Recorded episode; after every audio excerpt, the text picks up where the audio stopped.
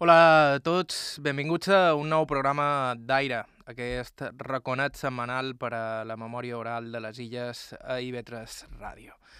En el programa anterior vàrem sentir la història de Frederic Català, ara vivint a, a l'Aró, fi de refugiats republicans i nascut a la maternitat d'Elna. Una història increïble que ja sabeu, podeu recuperar a la ràdio la carta d'aquesta casa o bé a través d'Apple Podcast, Google Play i altres plataformes similars. Aquesta setmana continuem escoltant els testimonis d'exiliats, en concret de dues dones encantadores que tenien només 4 i 3 anys quan els falangistes es varen presentar a casa seva a rebassar-los els seus pares. Jo, per desgràcia, me'n record més de les coses que era nina petita, que digués, sí, que nina petita, que, si me dava, que, que van ordinar ahir. Aquesta és en Gràcia Vicenç, va néixer a Calvià l'any 1931. Qui és que no se'n recorda? Si te lleven ta mare, ton pare, el meu padrí el mataren. I aquesta és Magdalena Nebot, de Cap de Pere i un any més jove.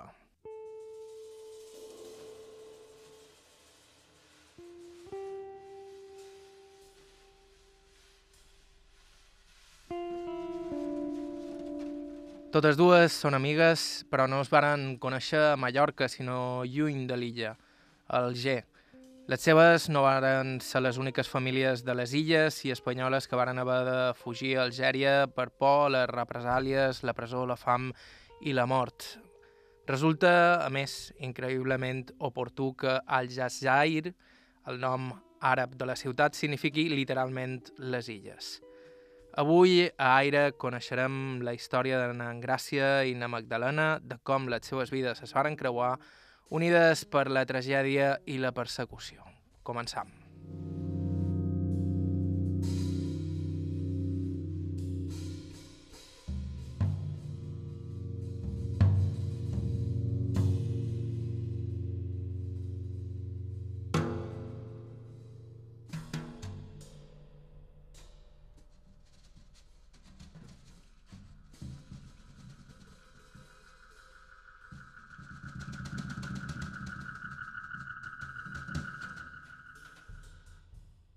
El meu nom complet és Engraci Vicenç Pedros.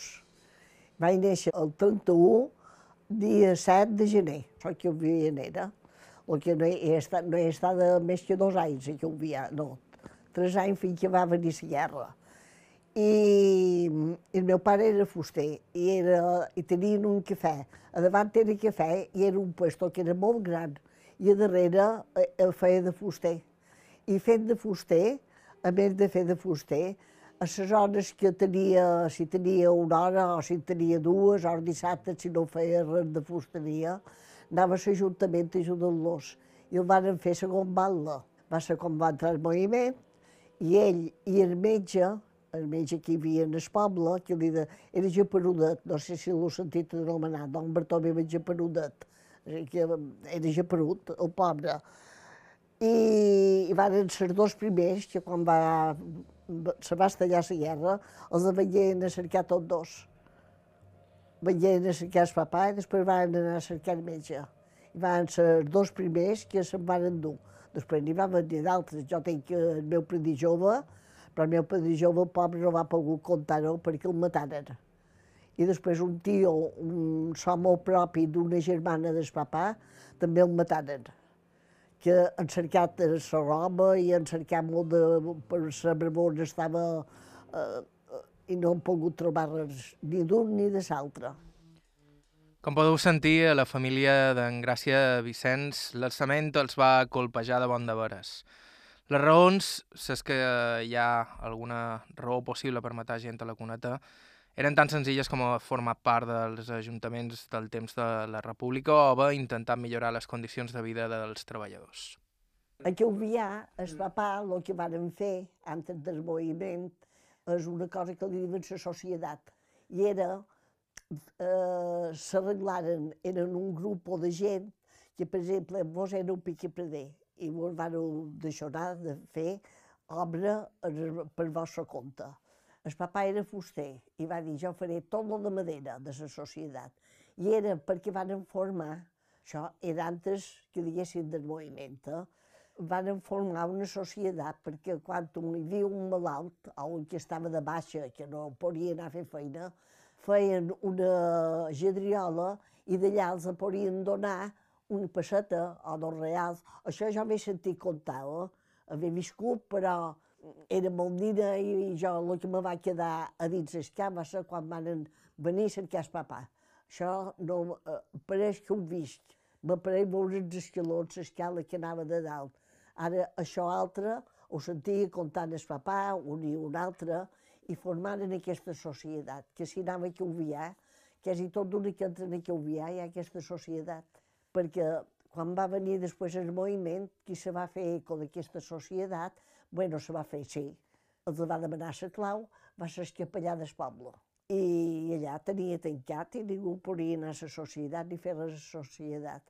I muntar aquesta societat, que hi havia un teatre molt guapo, estava molt bé, hi havia un gran cafè, molt gran, que el duien eh, gent, eh, familiars duien el cafè de la societat, i era una cosa que en el poble eh, tenien almenys un, per anar a veure un cine, perquè feien cine, eh, en el teatre podien fer cine, i estava molt bé, però quan va entrar el moviment que feia molt poc que la societat l'havien fet per un any, dos, jo ara exacte no sé el temps que havien fet aquesta societat, eh, va venir el moviment, claro, van tancar la societat i el capellà del poble, el capellà del poble, que a damunt la trona, la mamà, claro, a missa, ni que entén, ni mucho menos, eh, va dir, diu, tots els que, tots els que se n'han duit, els falangistes, diu, he fet, els he fet, els he fet agafar, ah,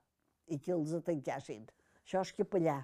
I, i res, que el capellà ho va tenir molt d'anys, a força de demanar i tornar a demanar i, i, i mirar molt bé què podria passar amb allò, va, va haver d'arribar a donar la societat de Calvià va tornar a obrir fa uns anys, ara com a teatre municipal. Més difícil és tornar a la vida dels morts el meu tio que va desaparèixer, que era un home que no sabia fer, sentia dir, eh? perquè això sí que jo no tenia idea. No sabia fer un, no, un motorsó perquè ja era tot petit i anava a guardar ponts. La seva família devia, no, no, no devia imposar, anava a guardar ponts. I quan va ser major va poder comprar un bocinet de terra i anava en aquest bocí de terra a sembrar i a collir les coses que podia fer i era un home que no sabia com aquell que diu que hagi ni posat seu nom. I en aquest el mataren, i no era... I en aquest encara va ser pitjor, perquè amb un, un altre que el agafaren amb ell, diu que els duint a l'Ajuntament. Era molt trist xerrar d'això, molt tristes. I els posaven a dins un bol i amb un embut els feien moure a, a, a de racino. Sabeu què és oli de racino? Heu sentit a dir, una purga horrorosa coses molt tristes són aquestes, però Déu faci que no, no n'hagi de tornar a venir d'altres de guerra d'aquestes tan, tan, tan, tan dolentes. Son pare d'en Gràcia va tenir més sort que els seus tios, eh, si és que es pot dir així. El varen tancar, la presó va passar pel castell de Beiba i sort va tenir encara que hi va romandre quatre anys. Aquells anys, molts dels que en sortien no ho contaven. I, bueno, jo, el papà, el duien tot d'una camp mi. Quina edat teníeu? Jo, quatre anys. I me'n record més d'aquests quatre anys, pareix impossible, me'n record més d'aquests quatre anys que puntura coses de fa dos o tres anys o quatre, o deu o quinze. Perquè a un infant pareix dir que no, però hi ha coses quan són un poc fortes queden molt gravat a dins el seu cap. Molt gravat. Jo me'n record beníssim del cafè en el primer pis, perquè era un cafè Eh, baixos, i després hi havia dos pisos de damunt i tot era del mateix cafè. Era una finca que el, el papà tenia allotjat com a cafè, però tenia, tenien dos pisos. I un pis hi havia una banda de música que havia, com molt de pobles, sentia dir el papà que molt de pobles hi havia una banda de música, i, i clar, per no dur-se les coses, les posaven el bombo i saxofon, que encara fa uns quants anys Eh, va, va, sa mamà havia guardat un parell de coses i els tenia. I, i els, els deixaven en el primer pis. I quan hi havia una festa o qualque cosa, tenien, que tenien el bombó allà, vamos, l'orquestra que diguéssim, els instruments, i anaven a cercar-ho allà. I quan vengueren a cercar el papà, pujaren en el pis per veure ben què hi havia. I, clar, se trobaren en, en, en tots els instruments i hi havia justament la bandera a damunt el bombó, no sé, a damunt on estava no ho sé, però sé que un va de ballar, va agafar vistos de dins el cafè, que allò devien, el papà devia tenir vistos, se'n va anar i el primer que van fer va ser pegar foc a la bandera. I la mamà sé que me va dir, gràcies, vés fer via, vés a cercar una tia que no estava molt en fora, perquè la mamà ja va veure el desastre que hi havia, tot un agafaren el papà, el, el posaren segut un racó, i jo estava asseguda a l'escala que pujava de dalt, plorant per que plorava, i la mamà per veure si me despejaria, me va enviar a cercar la tia, i sé que vaig partir a cercar la tia. I quan tornàrem eh, en el cafè, eh, el, papà ja no és, ja els havien duit amb un camió, els s'enduien. I els van endur en el castell de Bellver. I, claro, ells tenien cafè, tenien molta de gent coneguda, i tenia un que era militar, però militar que ja era bastant, bastant alt de categoria. La mamà li va dir, no faria res per per treure-lo de castell. I li va dir, mira Maria, te vull ser molt franc, no facis ni donis una passa a ningú que ha de sortir del castell, perquè tots els que sortiran del castell no els tornaran a moure pus.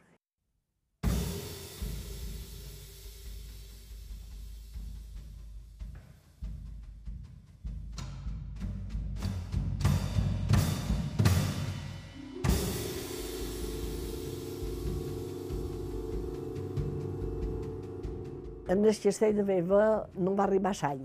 Després els van endur a camp de concentració i va estar al ple de concentració. El darrer camp que va estar va ser en el Banyos de Campos, no sé si els coneixeu. Anant a, a, a, a Campos, sí, han d'anar a Campos i d'allà van anar al Banyos de Campos i, i allà hi va estar de més tres anys. Després se'n van endur eh, una, altra, una altra banda, que totes aquelles carreteres que hi ha per allà, que donen, que diguéssim, la banda de Campos, però ja venien cap a Palma, tot allò ho feia, les ho feien fer els presors. Les condicions de vida dels presos eren duríssimes, obligats a fer feines pesadíssimes, desnodrits i maltractats. Però també eren dures les condicions dels familiars que es quedaven a fora. La mamà ho va passar molt malament perquè li prengueren tot. Tot el que havia dins cafè, tot li van emprendre. No, no va poder tocar ni una cadira. Però sempre ja diuen que damunt una desgràcia sol venir un, un, una calma, després d'un temporal. I el metge tenia dues germanes, que eren fredines, i sa mare, i vivien en un primer pis a, a Cauvià, estaven a Cauvià i havien vingut a Calvià perquè el seu fill l'havien destinat a Calvià i era una família tan unida que van voler venir a viure a Calvià perquè tenien el, el seu germà que estava a Calvià de metge i tenien una filla a Santa Catalina, a la plaça del Pogrés, de bon conèixer la plaça del Pogrés, i havia pegat una bomba, però només a la banda de darrere, tot l'altre no, no havia tocat res.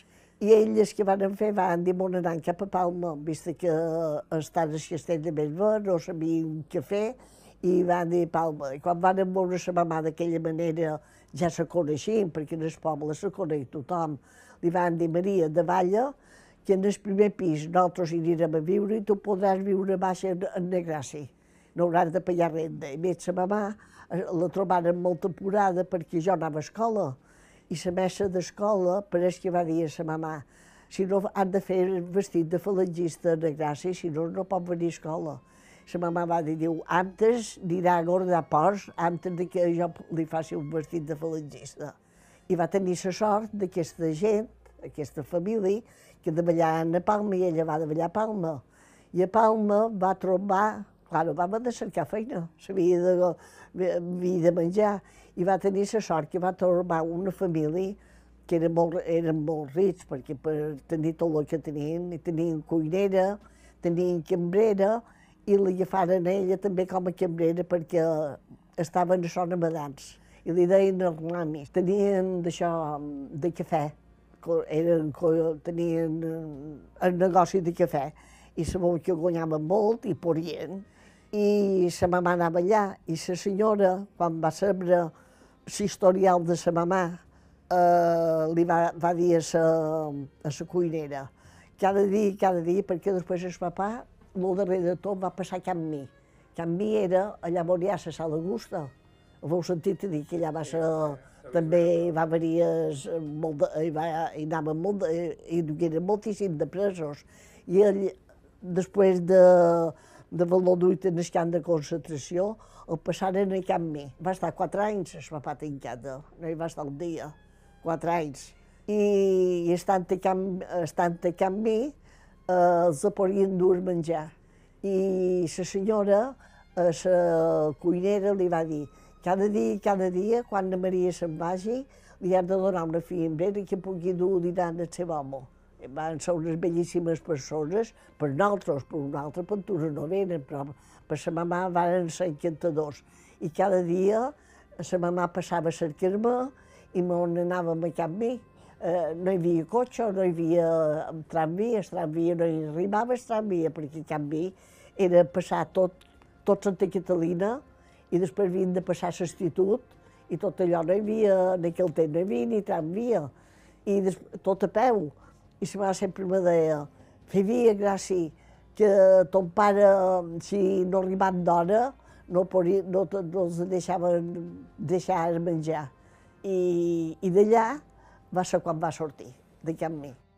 D'aquells anys, en Gràcia Vicenç recorda també les visites al cementiri de Palma, intentant localitzar les restes del marit de la germana de son pare.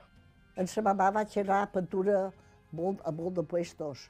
En sa mamà no tenim aquí de xerva, i quan que vam a la feina, jo havia estat moltes dones tota sola, sa mamà no me volia tornar a deixar, i sa tia, que és una germana del papà, volia saber si trobava el seu home i anàvem als cementaris, que és el cementeri de Palma, ara van tot ben eh, fet, van tot ben arreglat, però hi havia una, perquè jo de major, de bastant major, encara l'he vist en aquesta lona tapat clot d'allà on els tiraven a dins clot quan els havien morts. I deixaven la roba escampada per terra. I, clar, per la roba hi havia molta gent que coneixia si eren o si no eren. La tia no els va, no, de la tia no els van poder trobar mai, el tio o Sebastià. I l'altre, tampoc. Bé, l'altre ja no el van deixar anar perquè l'altre ja sabien que el havien mort per la carretera. El tio Sebastià no van poder saber. I diuen si a Porreres pot estar enterrat a Porreres.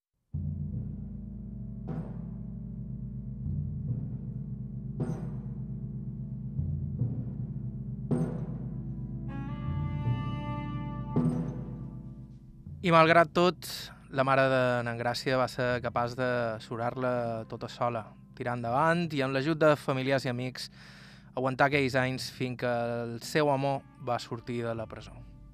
Tenia germans de sa mamà, però tots estaven a Calvià. I ella va allà a Palma i estava a Santa Catalina. I estant a Santa Catalina, eh, un parent seva tenia una casa a Son Amadans i passàrem a viure a Son Amadans, però era una caseta petita, però la mamà se conformava, era només jo i la mamà, i, i, i, mos, hi, i se trobava, mos hi trobaven bé. I més ella anava a fer feina a Son Amadans.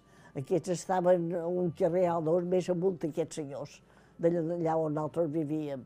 I més o menys vam anar, vam anar tirant, i un poc de vegades la mamà qualcú li, li, dava li daven qualque cosa, i, i, i desastres, perquè en aquell temps no hi havia res. Vaig seguir anant a escola, una escola que hi havia a Son Amadans, que els deien Sergamero, que encara existeix. L'escola no, però l'edifici i els baixos està totalment.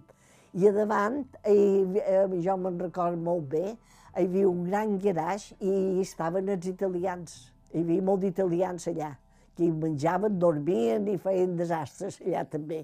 Però, vamos, i jo anava a escola allà. I les casualitats, jo ja anava per vuit anys i la messa me va dir a la mamà, la nina està obligada a fer la comunió. I la mamà va dir no, la comunió no la farà. Mentre no tingui son pare, dir que tindrà son pare, ja veurem el que passarà. I des cap de l'any d'haver passat tot això, la gamera de vendran i mos faran tancar l'escola. Vendran i perquè dos altres que estàvem amb aquest, amb aquest pla. I va, va venir la sort o la desgràcia, no ho sé, perquè això d'escombriar i tot això, no sé si nosaltres som molt catòlics, però això no som massa de tot, no, no hi crec, ah, la veritat, no hi crec. Bé, no, mullaren el papà i vaig fer la comunió, no va quedar més remei, vaig fer la comunió i fent la comunió, el papà va trobar feina tot d'una a Son Espanyola. I, clar, eh, fent feina allà, el papà cercava, perquè tenim una caseta molt petitona, hi havia només un quarto i una cuina, aquí on estàvem a, a Son Amadans. I va trobar un pis que li deien la filadora, i passàrem en aquest pis. I el papà feia feina dos carrers més avall, feia feina molt evident i va fer molta d'amistat amb un que també feia feina eh, en, el mateix, en el mateix taller i se van dedicar, perquè el papa deia no mos basta per res, el que jo guany, eh, a fer un temps, quan se casaven, donaven a fer, perquè no hi havia mobles, donaven a fer el quarto i el menjador. Els que podia més feien les dues coses, els que podia menys devien fer més aviat el quarto que, que el menjador i se dedicaren a això. Aquest home tenia una cotxeria i en aquella cotxeria el papà anava a fer-hi feina i mestre Francisco també feien feina tots dos pleiats i, i guanyaven una miqueta ja més. Ja el papà li dava més per la renda, me'n record que pagaven 8 duros per, de renda cada mes. I, i, i se trobava bé, sa mamà feia, continuava brodant per guanyar una misèria, perquè eren miseris, però sempre ajudava. I les dones en aquell temps, eh, les poques que, que, que hi havia, la majoria feien feina. Hi havia fàbriques després, i moltes anaven a fer feina a fàbrica, perquè la dona des que el papà feia feina de mestre Francisco anava a les sedes. Hi havia les sedes, hi havia l'alfombrera, hi havia Can Llofriu, del vidre, que era, ara hi ha unes grans finques, hi havia moltíssimes de, de fàbriques i, i han desaparegudes totes. Si no haguessin desaparegut, hi hauria més puesto per la gent que no té feina, però no n'hi ha. Tot això ha desaparegut. Ara els campanars hi són tots. Campanars tots hi són, eh? no n'han llevat cap. I tots s'aguanten. Ara les fàbriques per avall, zero.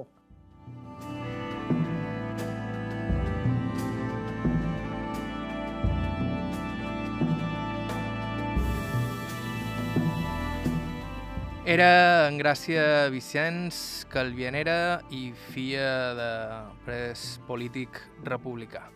En uns segons ens traslladam a Cap de Pere per escoltar un relat en paral·lel igualment corparenador, el de Magdalena Nebot. Estau escoltant Aire, això és IB3 Ràdio.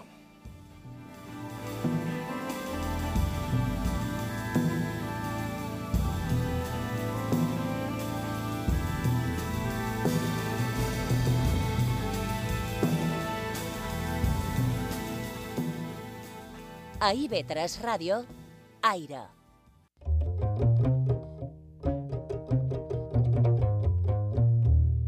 Joan Cabot, Aire.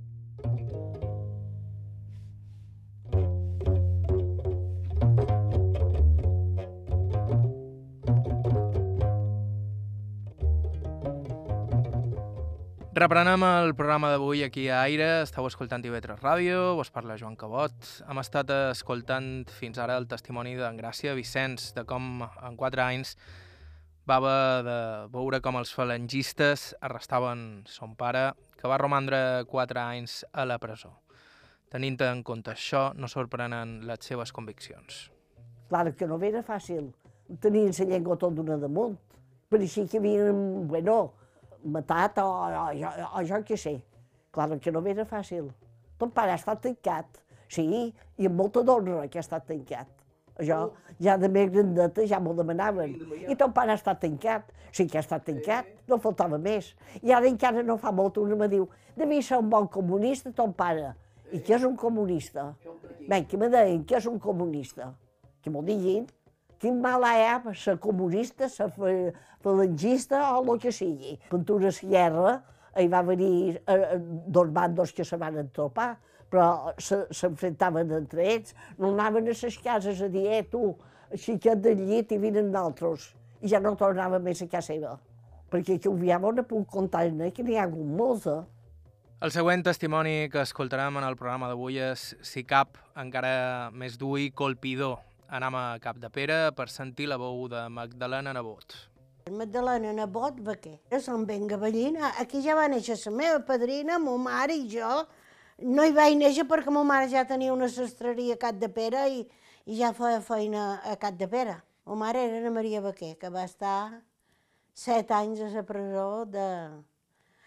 Jo sempre he dit les hermanites, però me diuen a Can Sala. Bueno, de Can Sala. Me vaig quedar amb la padrina i el meu germà se'n va anar, que tenc un germà, major que jo, de sis anys. Eh, el se'n van endur a cas padrí, a, casa son pare, de, de mon pare, perquè hi havia el padrí i la padrina, i, i així podia anar en el camp, el meu germà començar a fer un pot de feina amb ells i cuidar-se un pot d'ells, perquè jo me vaig quedar amb la padrina tota soleta.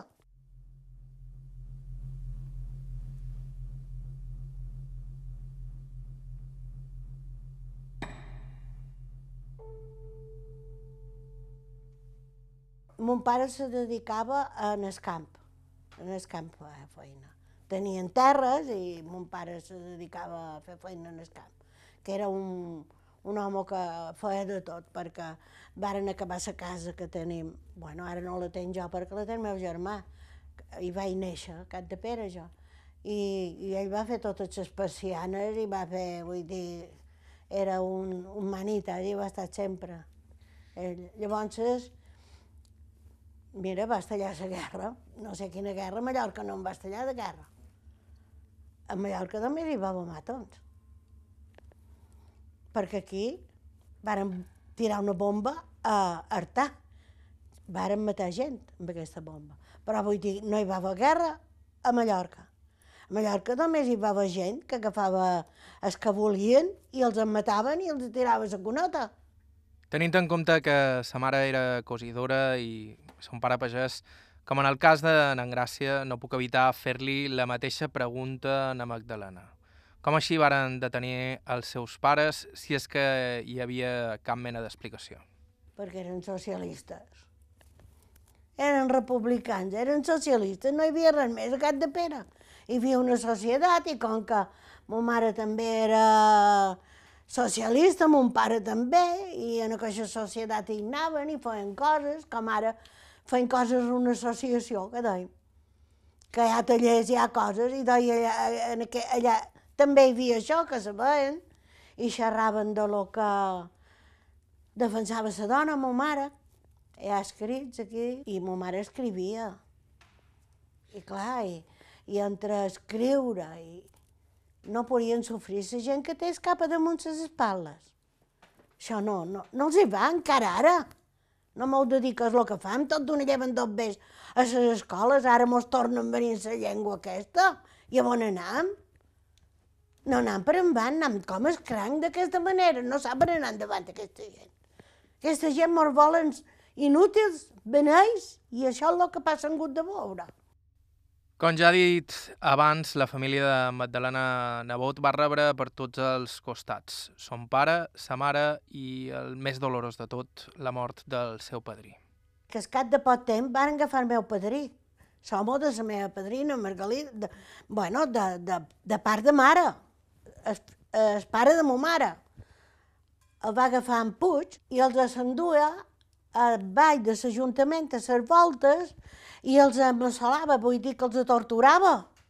No només el meu padrí, el meu padrí va ser el que va caure la gota de l'aigua, i la Montpera. La Montpera de Can Mercadal també. També els va esclafar, els va matar. I clar, i, i no ho sabíem nosaltres. La padrina deia, bona, bona, i què ha passat? I tampoc sabíem on era ma mare. I el meu padrí l'agafaren i volien que digués on era mon pare. Mon pare se'n va anar. Ell ja va veure que si se quedava el mataven. I, i, i ja, va, ja va passar molta de pena que no haguessin mort ma mare, perquè ma mare va estar en pena de mort. Hi havia una dona que ja estava en capella, l'havien de matar ella quan la varen haver jutjada, i, però després va sortir una llei que a Espanya no matassen més dones, i gràcies a aquesta llei vaig tenir ma mare, que me va acabar d'educar. I de donar-me ànims a la vida i de veure un poc més les coses clares. El meu padrí, al cap de X, un mes o dos, el, eh, varen venir a cercar-lo i els en varen dur a les voltes i allà li donaren una pallissa i després homes que estaven en el quarto de devora, que els havien amassalats, varen venir perquè la padrina cercava el meu padrí per tot. Eh, almenys ha d'anar a un cementeri si l'han mort. I, i els d'allà li varen dir Margalida no el cerquis perquè si vesses haguessis sentit la pallissa que li varen donar en el teu, en el teu home, va ser tremenda, Margalida, li digueren. I, i res, i varen saber que havien mort.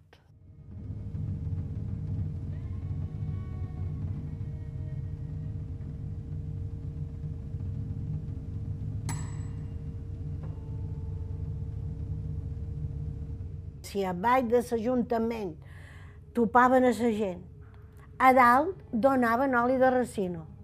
Perquè a dalt donava, Madame Maria Germana, una de Cap de Pere, va prendre tres quarts d'oli de racino i també la se'n varen dur a la presó i va passar bé, gràcies a que a la presó hi havia infermeres i metgesses i hi havia de tot.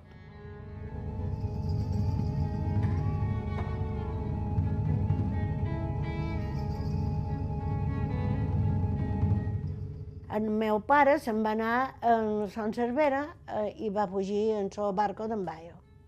Se'n va anar a Barcelona i de Barcelona després va anar de cap a Menorca. I va fer els anys de guerra a Menorca.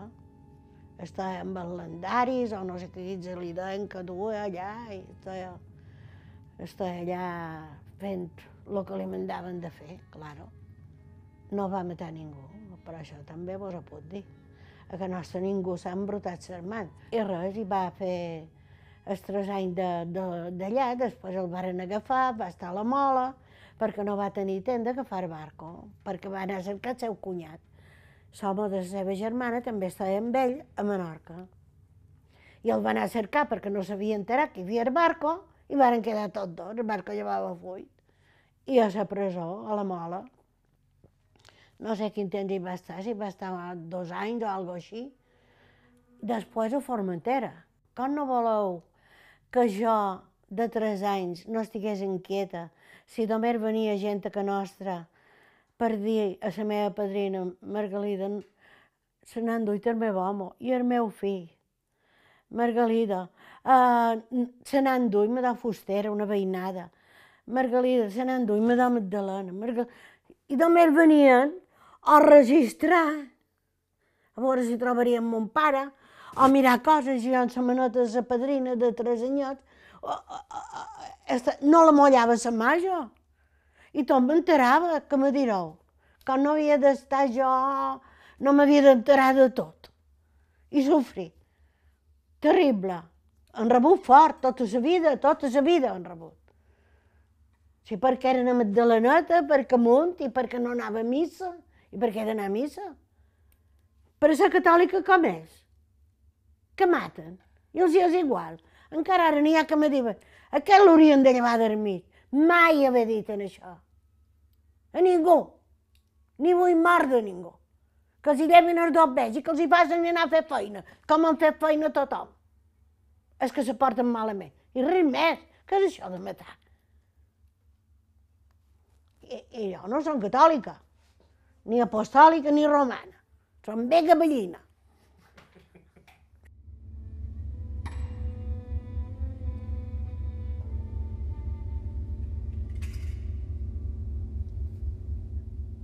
Gairebé entren ganes d'aplaudir. Estem escoltant Magdalena Nebot, per si no ha quedat clar, 100% gavellina, és a dir, de cap de pera. Fem una breu pausa i continuem amb la seva història i la de la seva família aquí a Aire estàu escoltant TV3.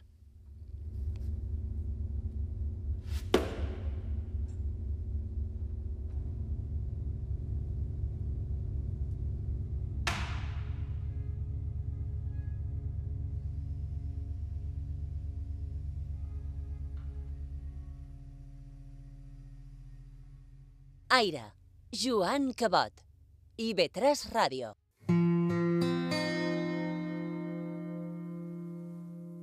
Aire. Dimecres a les 10 del vespre a IB3 Ràdio.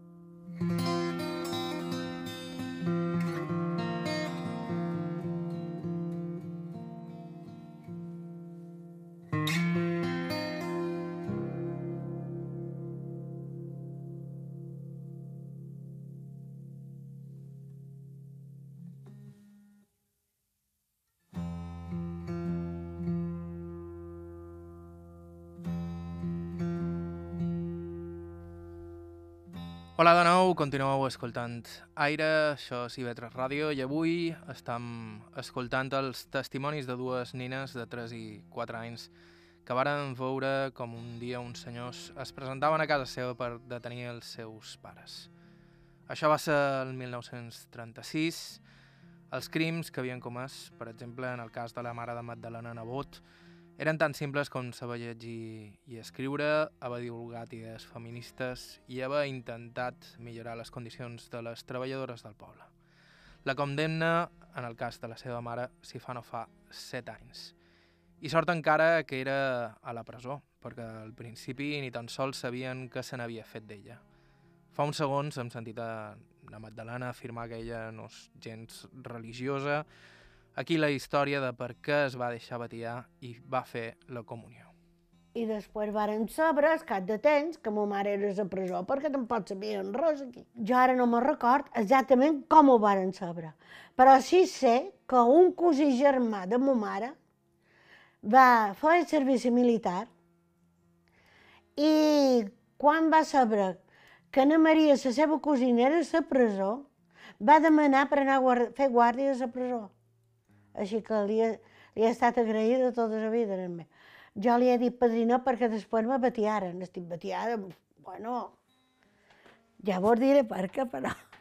A la presó varen dir a ma mare i a totes les preses que si volien tenir els seus fills un dia tot el dia amb elles, a la presó, si feien la comunió els deixarien estar de dins.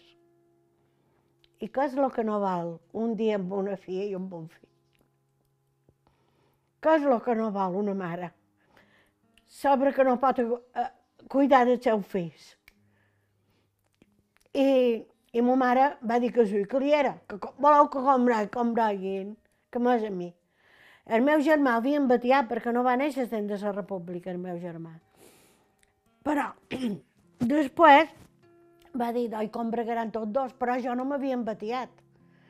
Jo llavors resulta que aquest cosí de ma mare ha estat el videll de la seu, ha estat sempre escolanet. Videll, ja no era escolanet, el, el videll de la seu, era el número 1 dels escolanets de la seu. I, i va dir Maria, eh, el, la batiarem i llavors se'n vendrà i podrà estar un dia amb tu. Perquè jo anava a Palma i anava a can meu padrinat, perquè ma mare tenia una germana del seu pare, que havien matat, que havien mort, a Palma, amb, amb fills, tenia dues filles i dos fills. I un dels fills, que era en Sebastià, eh, era el que estava dins la seu. I va dir, i doi la batiarem aquí, res, i jo ja tenia set anys, vaig posar el cap a copinya i m'ara tirar aigua. Ja va estar batiada la Magdalena. I després ja vàrem anar a la comunió, bueno, vaig estar tot el dia, o tot el temps que vàrem pora, en totes les preses, bésser de per tot, i estar aquelles dones que tampoc tenien el seu fill. T'imagines que n'hi havia que tenien el seu fill per Madrid. No sabien com els tractaven, que varen rebre cartes. Que va més que no el digui perquè és massa fort. Les cartes que rebien de nines que tenien a dins les guarderies aquestes que diuen i, i res, i vàrem estar allà tot el dia, però el meu germà no el deixaren entrar. El meu germà i el fill d'Anna Marquès, que eren infants que tenien 14 anys, i els al·lots generalment, els que creixen, que, que són un poc més grans després, ja, ja estan com homes a 14 anys. I clar, quan varen veure aquests dos, varen dir que aquests dos no poden entrar, els se menjaran, se, és que les dones mos menjam els al·lots. Les dones estimam els al·lots. Els cuidam els al·lots. Les dones no fan aquestes coses. Els primers anys de la seva vida, na Magdalena els va passar cuidada per la seva padrina i visitant la seva mare quan podia. Son pare era més lluny. A mi gairebé em van embrollar les llàgrimes quan m'explicava l'únic cop que va poder visitar-lo a la presó a Formentera i son pare ni tan sols la va reconèixer. Perquè de tres anys hi havia gent que anava a Palma, perquè no era possible anar a Palma, costava molt. Però anaven per un metge o per lo que fos, i deien a la meva padrina Margalida, vol que m'enduguis la teva filla, la teva neta, i la mostraré a sa mare, la duré a veure a sa mare.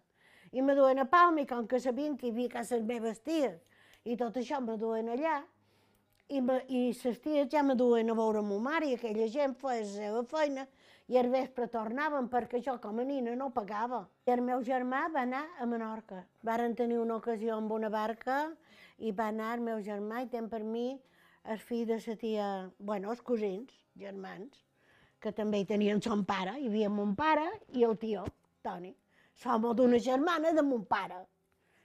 I, i varen anar a Menorca. I jo resulta que les ties de Palma, la germana del meu, des que dit padrina, tenia dues germanes, la tia Maria, hi havia una Maria, una Margalida, Antoni i en Sebastià, eren quatre. La tia Maria resulta que el seu home va anar a fer feina a. I va dir, i no sé, hi havia d'anar a ella, no, no sé, pintura per estar amb ell, un dia per lo que fos, i va dir a ma mare, Maria, vol que m'enduguis a la nina? He d'anar a Eivissa i el podria dur a Formentera a son pare. I ma mare, clar, va dir que sí. I vàrem, vàrem anar a Eivissa i d'Eivissa, que fàrem una barca i feia moltes. I jo duia un vestit ben guapo de randa, que em havia fet ma mare. I no, menys mal, per mi no mos banyarem, totes estan dient no mos banyarem. Quantes seien per arribar bom una ona a banya d'alta baix? Van haver d'agafar el vestit i de la xamanea, que hi havia una, un hostal just baixant a Formentera. Just de vora hi havia la presó, anaven caminant i, i, i allà varen, varen eh, el meu vestit perquè no en duia d'altre, vàrem anar a jugar, a i després anàrem a la presó. I arribam a la presó i surt mon pare, en Xerafina Bot, i diu, oh Maria, com va? La va besar naturalment. Diu que vens amb la teva filla. I la tia diu, no, és la teva. És a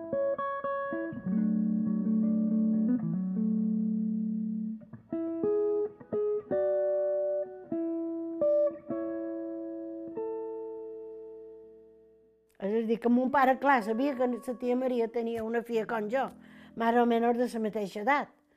Hi havia, de tres anys a tenir no, jo devia tenir vuit anys, pintura. Vuit, perquè en el deu va ser quan els amollaren. Així que jo pintura ja tenia vuit anys fets. I diu, no, bueno, me va, me va agafar i res, i vàrem estar un rato junts i llavors ja me ne tornàrem. La barca havia de tornar a partir cap a bici i me ne tornàrem. Vull dir que només el vaig veure aquest dia, mon pare. La família de Magdalena Nebot no es va tornar a reunir fins al final de la guerra, quan ella ja tenia 10 anys. És a dir, que durant més de 7 varen estar separats. En tot cas, el règim no havia quedat prou satisfet amb ells. Després de Formentera, quan varen treure tothom, se'n varen a València i després no sé quina presó va sortir.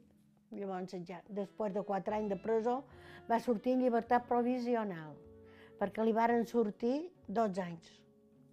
En havia fet quatre, n'hi faltaven vuit. Res, va, varen venir, varen sortir al mateix temps. Quan va acabar la guerra mundial, varen venir, ma mare també la varen amollar. Ma mare li varen sortir a la presó, eh, en el jutjat, sis anys de presó, però en va fer set. No la varen amollar fins que va acabar la guerra. És a dir, que al mateix temps amollaren tothom. Vam amollar mon pare, tio Toni, jo sé que tot anaven de cap a artar a esperar el los. I va venir, i va venir, varen venir al mateix temps. I jo tenia 10 anys, vull dir que al cap d'un any o això, varen tirar paperetes per tot Mallorca, de propaganda anti, antifranquista. Qui varen venir a cercar? És que havien sortit en llibertat provisional. Varen venir a cercar mon pare, mon mare, diu, quan varen venir a cercar-lo, diu, no, no és aquí, és en el camp. Diu, i li voldreu dir que passi? I ma mare va dir, diu, sí. Tot d'una, ma mare diu, agafa la bicicleta i vés a dir-li a ton pare que han vengut a cercar-lo. Vaig agafar la bicicleta, vaig anar a Seretat i li vaig dir, mon pare han vengut a cercar-vos. Diu, bé, diu, ves, digues a ta mare que ja m'ho has dit i que estigui tranquil·la, que ja veuré què fas. Va agafar camina i resulta que també varen anar cercant Alberti i en Morales, que tots havien sortit de la presó a llibertat provisional. I varen decidir amagar-se. Qui és que entra a la presó pensant que millor t'hi faran estar vuit anys? No varen voler entrar i se varen amagar. I varen estar tres anys amagats. Per Cap de Pere, per Sant Cervera, que també tenien gent que coneixien, perquè hi ha molta de gent que ha sofrit a Mallorca. Hi ha 1.600 eh, morts en nom i cognoms. Així que no varen mirar prima maternal de mallorquins. El pare de Dana Magdalena va passar de nou a la clandestinitat, encara que una mena de clandestinitat menys tensa que en els anys de la Guerra Civil. En aquest temps ja sabia tothom que mon pare i mon mare no havien fet mai mal a ningú. No havien robat res mai a ningú. Eren socialistes, eren republicans, tot el que vulguis. Però eren persones amb honradesa, Cap de Pere. I, claro, no sé que fossin sinvergüences, tothom callava. Ara mateix de vegades n'he vist i me diuen ton pare va venir a que nostra. Ara que mon pare me va dir calla no ho diguis a ningú. Perquè diu, jo som de la teva edat i, i, i, i me varen dir no diguis res a nin. I jo, diu, jo no vaig dir res a ningú, Magdalena. Dic, ho crec. I bé, per dir-te, i a lo millor hi anaven i sopaven i passaven la balada amb la família. I, I així varen anar fent i, i va venir a que nostra també. I hi havia una de vora que nostra que sempre, sempre denunciava, cada punt denunciava, cada punt denunciava. He vist, se n'anava a denunciar, he vist en Joan Rai, el meu germà, que ha vengut amb un carro de rabasses i no era rabasses que duia. Ha girat el carro cap a dins la cotxeria i era son pare que ha vengut. Pensi, no era vera. El meu germà havia dues rabasses. Mon pare no venia en el carro de rabasses. Mon pare al vespre venia d'enfrente de la casa, entrava dins que nostra. I així de clar. No és com el principi de la guerra. Ja després de tots aquests anys, ja varen veure que havien sofrit massa tota la gent de Cap de Pere. Hi va haver un vespre que venien tots tres de, de, de per aquelles muntanyes. Teníem una finca a Sant Barbassa per allà i venien tots tres, que ja era fosca, i ja pensaven que tothom, en aquelles hores, tothom ja és a casa seva, als vespres, que van a fer feina en el camp. I se van trobar amb un i els va veure. I mon pare va dir, esperau, jo n'hi deixaré amb ell. I sabien que era de dretes i li va dir, mira, si tu mos denuncies, encara no hauràs denunciat i nosaltres ho sabrem. Mos poden fer mal, però pensa que també te'n poden fer a tu. I nosaltres no feim mal a ningú nosaltres. Si tu no denuncies, no importa pas si gent depèn de nosaltres. No va denunciar, no.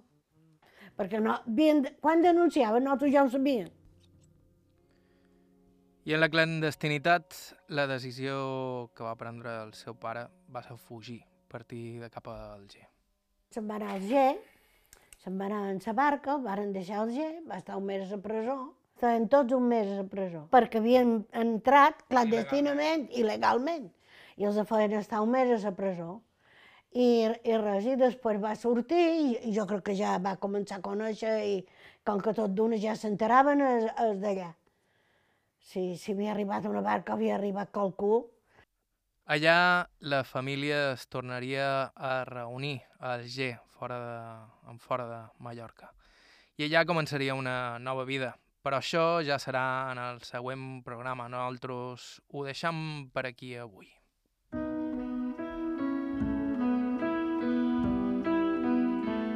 La setmana que ve continuem descobrint la història d'en Gràcia Vicenç i Magdalena Nebot i parlarem de l'exili, de nou. A elles dues, moltíssimes gràcies pel seu temps. Ens podeu seguir a Facebook, Aire IB3, a Instagram, Aire barra baixa IB3 i ens podeu escoltar a Apple Podcast i similars o a la ràdio a la carta. Vos recordam que alguns dels materials d'aquest programa formen part dels fons dels arxius del SO i la imatge dels Consells de Menorca, Eivissa i Formentera i de l'Arxiu Oral de Mallorca de la Fundació Mallorca Literària, Consell de Mallorca. Bàrbara Ferrer i Margalida Mateu a la producció executiva, Jordi Pol i Mateu Moll ens han assistit a les entrevistes, Miqui Fiola a la producció tècnica, vos ha parlat Joan Cabot, fins la setmana que ve.